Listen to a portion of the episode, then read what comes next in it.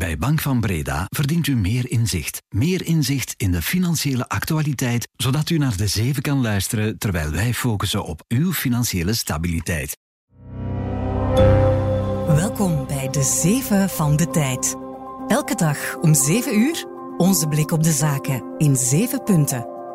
Dit is Bert Rijmen. Klinkt goed, hè? Goedemorgen. Er zijn meer arbeidsmigranten dan ooit van buiten de EU. Het waren er vorig jaar 50% meer. Hoe komt dat en moet dat cijfer nog verder omhoog? De Europese ruimteorganisatie zet het licht op groen voor haar grootste project ooit. Drie satellieten die zwaartekrachtgolven gaan meten. We praten met de Leuvense prof die daaraan meewerkt. En de zeven blaast vandaag twee kaarsjes uit. Vandaar dus die nieuwe jingles. Maar we proberen ook naar jou te luisteren. Wat verwacht jij nog van deze podcast? Daarom hebben we een enquête gehouden. Ik praat met producer Rowan over de resultaten. Het is vrijdag 26 januari. Welkom.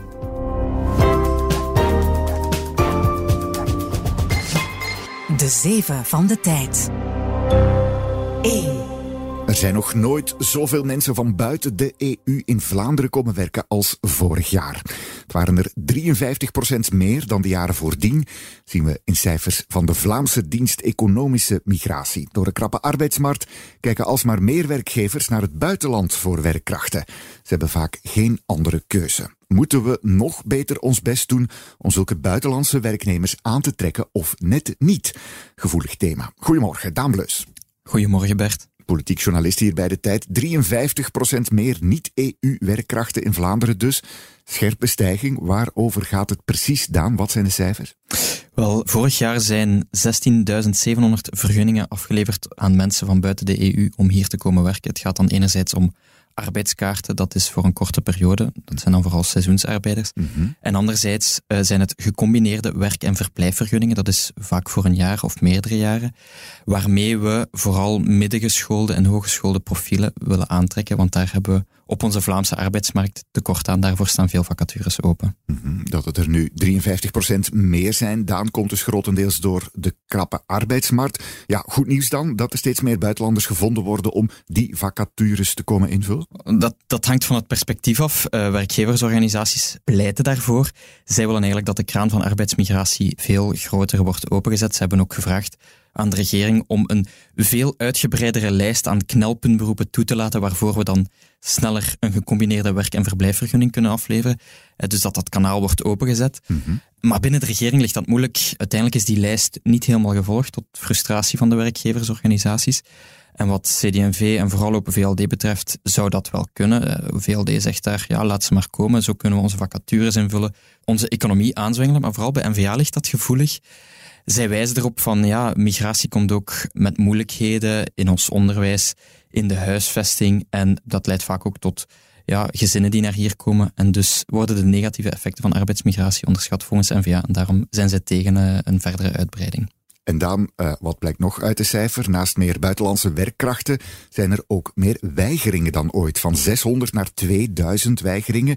Dat voelt een beetje contradictorisch. Wel, dat klopt. We hebben in 2022 een aantal schandalen gehad rond arbeidsmigranten die hier erkend waren, maar illegaal aan het werk bleken. Bijvoorbeeld voor een aantal uren dat ze dan in het zwart betaald werden. Mm -hmm. Datzelfde jaar, in 2022, zijn er ook een aantal uh, vergunningen on hold gezet voor uh, Marokkaanse en Turkse werknemers die hier zouden komen werken. En daardoor heeft de Vlaamse regering ook de controle aangescherpt. Een controlekamer ingevoerd die dan nagaat of bedrijven of hun financiële situatie een extra aanwerving rechtvaardigt. En dat heeft vorig jaar effectief geleid tot meer weigeringen dan, uh, dan de jaren voordien.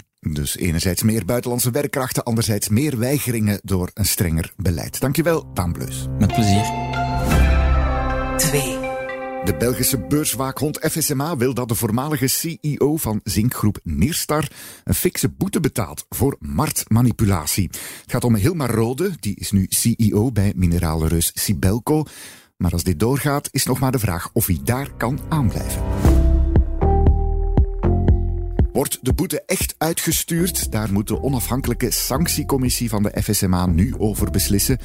Zo ja, dan zou dat dus betekenen dat Rode zich schuldig heeft gemaakt aan marktmanipulatie in de hele Nirstar-saga. Hoe zat dat nu weer? In 2019 kwam Nirstar terecht in handen van de Singaporese grondstoffenhandelaar Trafigura. En volgens een groepje aandeelhouders van Nierstar is dat Trafigura alleen maar gelukt omdat er destijds van binnenin Nierstar gelogen is over allerlei zaken, zoals de beschikbare stapels cash. De auditeur van de FSMA besluit dat er wel degelijk bewust misleidende info is verspreid, vernemen we hier bij de tijd. Als de sanctiecommissie nu beslist om de boetes uit te sturen, moeten Rode en nog zes andere Nierstar-bestuurders minstens 80.000 euro per persoon betalen. Al kan dat in theorie zelfs oplopen tot 5 miljoen. Om nog maar te zwijgen van de imagoschade natuurlijk. 3. LVMH zet mooie jaarcijfers neer. Het Franse Gigaluxe-concern heeft zich gisteravond na beurs gepresenteerd. Blijkt dat de allerrijkste der aarde goed helpen om de winsten van Louis Vuitton, Moët en NSC naar ongeziene hoogte te stuwen. Want het gaat wel degelijk om een recordwinst en omzet voor 2023. 23 miljard en 86 miljard euro respectievelijk. Dat is zelfs nog iets beter dan analisten hadden verwacht. De jaarcijfers van luxe merken lopen dit seizoen sterk uiteen. Merken als Burberry en Boss stellen teleur, terwijl Richemont en Cucinelli beter scoren. Volgens marktexperten komt dat omdat Richemont beroep kan doen op de portemonnees van de superrijken, die zware prijsverhogingen nauwelijks voelen, terwijl Burberry meer appelleert aan zogenoemde aspirational shoppers uit de middenklasse. Lijkt er nu dus op dat LVMH, dat acht merken bezit, toch genoeg cliënteel vindt uit die meer gegoede eerste groep. Die heeft vooral de Moet champagne goed gesmaakt dit jaar.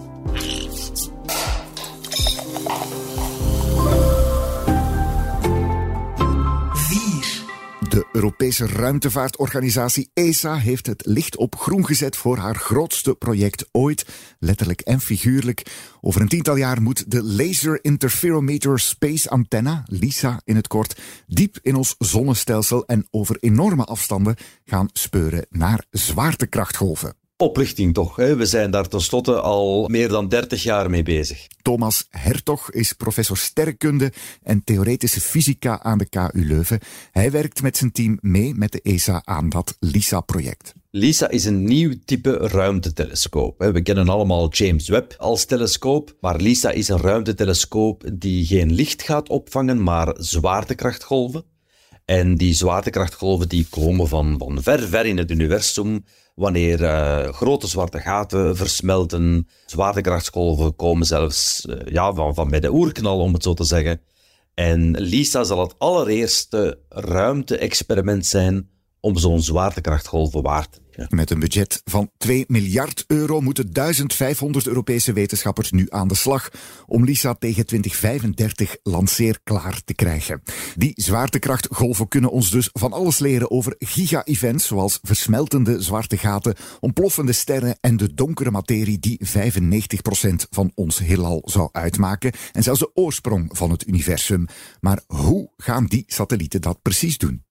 Dat gaat over drie ruimtetuigen die in een driehoeksconfiguratie rond de zon zullen wentelen. En de zijde van die driehoek is 2,5 miljoen kilometer. En de lengte van die zijde gaan we moeten monitoren tot op een nauwkeurigheid van enkele picometers, dus een beetje dikker dan een atoom. Dat is waarover we spreken. Een experiment zo groot dat dit op de rand is van wat de Europese ruimtevaartorganisatie aan kan. Hè? Dus dat is, uh, we pushen hier de limieten op alle vlakken. De beweging van een paar atomen dus meten over een lengte zes keer groter dan de afstand tussen de aarde en de maan. Want zo subtiel zijn die zwaartekrachtgolven dus. En België speelt vanuit Leuven een belangrijke rol in dat hele ding met de ontwikkeling van een digitale tweeling van de LISA-satellieten, zegt Hertog. En dat heeft alles te maken met het feit dat we LISA enorm goed gaan moeten leren kennen om die duizenden bronnen van zwaartekrachtsgolven te identificeren en te begrijpen. Dus in zekere zin bouwen we een set van virtuele observaties op om uiteindelijk het wetenschappelijk potentieel van dat in LISA vervat zit volledig te kunnen ontginnen. IKEA verlaagt de prijzen van een kwart van zijn producten in België. Dat heeft de interieurwinkelketen net bekendgemaakt. Energie en transport zijn weer wat goedkoper geworden en de keten heeft zich ook efficiënter kunnen organiseren. Dat zegt André Schmidgal, de algemeen directeur van IKEA België. En zodra we de prijzen kunnen verlagen, doen we dat, besluit hij. Et voilà. Maar er is nog een andere reden. De wereldwijde verkoopvolumes zijn het voorbije jaar teruggevallen. IKEA moet dus dringend weer meer stuks gaan verkopen. En dan helpen lagere prijzen natuurlijk. Het gaat om 2600 producten in totaal die goedkoper worden. Dat is ongeveer een kwart van het hele gamma. En daardoor zal IKEA België 77 miljoen euro aan jaarinkomsten mislopen. Een Primnes kleerkast kost je voortaan bijvoorbeeld 30% minder. En ook de afhaalservice van de webwinkel wordt een beetje voordeliger. 6. Wat wordt vandaag nog nieuws? De massaprotesten tegen extreem rechts in Duitsland die waaien over naar de buren in Oostenrijk. Daar worden vanavond in de hoofdstad Wenen tot 10.000 manifestanten verwacht. Ook in de steden Innsbruck en Salzburg komen er optochten. Die zijn gericht tegen de opkomst van extreem rechts, racisme en antisemitisme. Net als de voorbije weken in Duitsland. Daar doet de extreemrechtse partij AFD het goed in de peilingen. En dat in een verkiezingsjaar. Ze zou 23% van de stemmen halen. In Oostenrijk gebeurt hetzelfde met de partij FPE. Die haalt zelfs 30%. Een van de Oostenrijkse organisatoren van vanavond vat het als volgt samen. De belofte nie na de oorlog tegen Hitler en de nazi's wil zeggen dat we ons nu luid moeten laten horen. 7. Nog wat wennen, hè? Die nieuwe jingles en die nieuwe netstem. Op 26 januari 2022 zijn we eraan begonnen hier bij de Zeven. Dag op dag, twee jaar geleden. Perfect moment, dachten we dus, om eens echt te luisteren naar onze luisteraars. Naar jullie dus. We hebben begin december een enquête gelanceerd met allerlei vragen over de Zeven. Dus wat zijn de belangrijkste bevindingen en wie heeft de hoofdtelefoon gewonnen? Goedemorgen, Roan van Eyck Goedemorgen Bert. Producer en co-host hier bij de Zeven. Roan, hebben veel mensen deelgenomen aan de enquête? Ja, dat is toch wel echt vrij straf. En meer dan 2000 luisteraars hebben hem helemaal tot het einde ingevuld. Dat is ja, meer dan heel wat peilingen die het nieuws halen. Meer dan genoeg ook om eh, statistisch significant te zijn. Ja. Maar het doet ja, vooral gewoon veel deugd, hè, Bert, om te zien hoeveel van onze luisteraars klaarstaan, erom geven, eh, ons willen laten weten wat ze ervan vinden.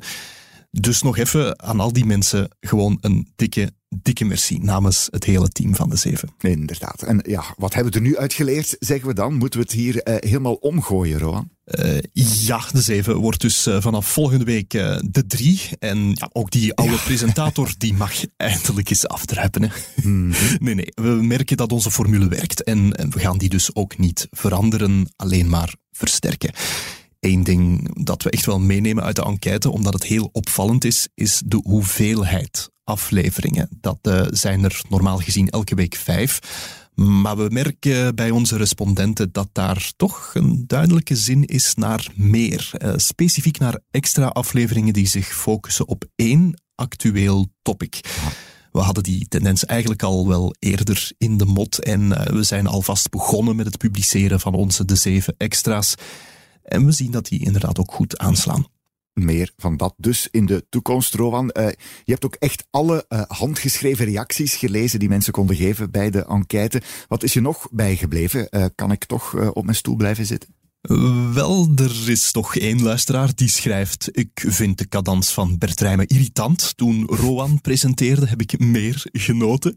Oké. Maar ja, twee reacties later schrijft iemand dan weer: Ik ben persoonlijk meer fan van Bert Rijmen dan van Rowan. Dus ja, eh, laten we zeggen dat er eh, geen lijn in te trekken valt. Je mag dus blijven zitten.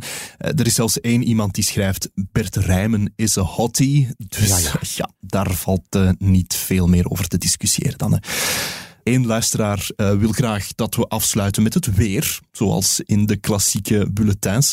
Tja. Misschien iets om over na te denken. Ehm, nog iemand die zegt dat hij de zeven onderwerpen probeert te onthouden met behulp van geheugentechnieken. Goed bezig. En ehm, ja, iemand die eh, zichzelf soms betrapt, ook een leuke, op het headbangen op onze intro op de fiets. Eh, wel, hopelijk doe je dat dan ook met dat nieuwe sounddesign. Ja, misschien moeten we eens een playlist publiceren. En dan, tromgeroffel. Wie is de winnaar van de hoofdtelefoon? Yes, dat is Virginie de Klippel. Die is dus uh, als winnares uit onze loting gekomen. Proficiat Virginie. Die uh, headphones komen dus jouw kant uit. En aan al de rest nog een laatste keer hartelijk dank dus voor het invullen van de enquête. De komende weken bekijken we nog verder wat we gaan doen met de resultaten van die antwoorden. Merci, Roan. Graag gedaan, Bert. Daarmee zit de laatste, de zeven van de week erop. Maandag zijn we er weer. Dan blikken we vooruit op de week die komt met een gast. Deze keer is dat collega Serge Mampai van de beleggerredactie. Kunnen we eens kijken naar de bedrijfsresultaten die er de volgende dagen aankomen. Maar eerst is er het weekend met een dubbel dikke zaterdagkrant. Chef Weekend, Sofie van Lommel, die weet al wat daarin zal staan. Ja, wij duiken in de duistere wereld van de metaalverwerkers, waar de georganiseerde misdaad wel brood in ziet. Zo bleek deze week onder andere bij Aurubis, de metaalverwerker met vestigingen in Olen en Beersen bleek dat er voor meer dan 100 miljoen uit de boekhouding was verdwenen door oplichting en driekwart van het directiecomité is op straat gezet. We gaan ook naar Madrid. Velen zijn waarschijnlijk bekend met de serie La Casa de Papel, maar het is een ware Hollywood aan het worden, waar zelfs series worden opgenomen die zogezegd in New York of Moskou doorgaan. En we spreken met Frank van den Broeke, de minister die wel nog iets van Vivaldi wil maken. Welke plannen heeft hij nog met de ziekenhuizen en de artsen? Kopen dus die krant morgen of lezen op tijd.be. Voor nu alvast een fijn weekend en tot maandag. Dit was De Zeven met Bert Rijmen. Productie door Roan van Eyck van op de redactie van De Tijd. Geboeid door wat je hoort in deze podcast? Neem dan een abonnement op De Tijd voor nog meer scherpe journalistiek en het laatste businessnieuws. Meer op abonnement.tijd.be. Maandag zijn we er weer. Fijn weekend.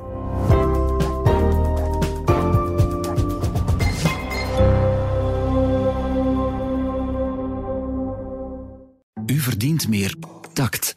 U verdient meer contact. U verdient meer oogcontact met uw financiële partner, die ook oog heeft voor uw financiële situatie. Ook u verdient meer Bank van Breda. Professioneel en privé. Bank van Breda. Enkel voor ondernemers en vrije beroepen.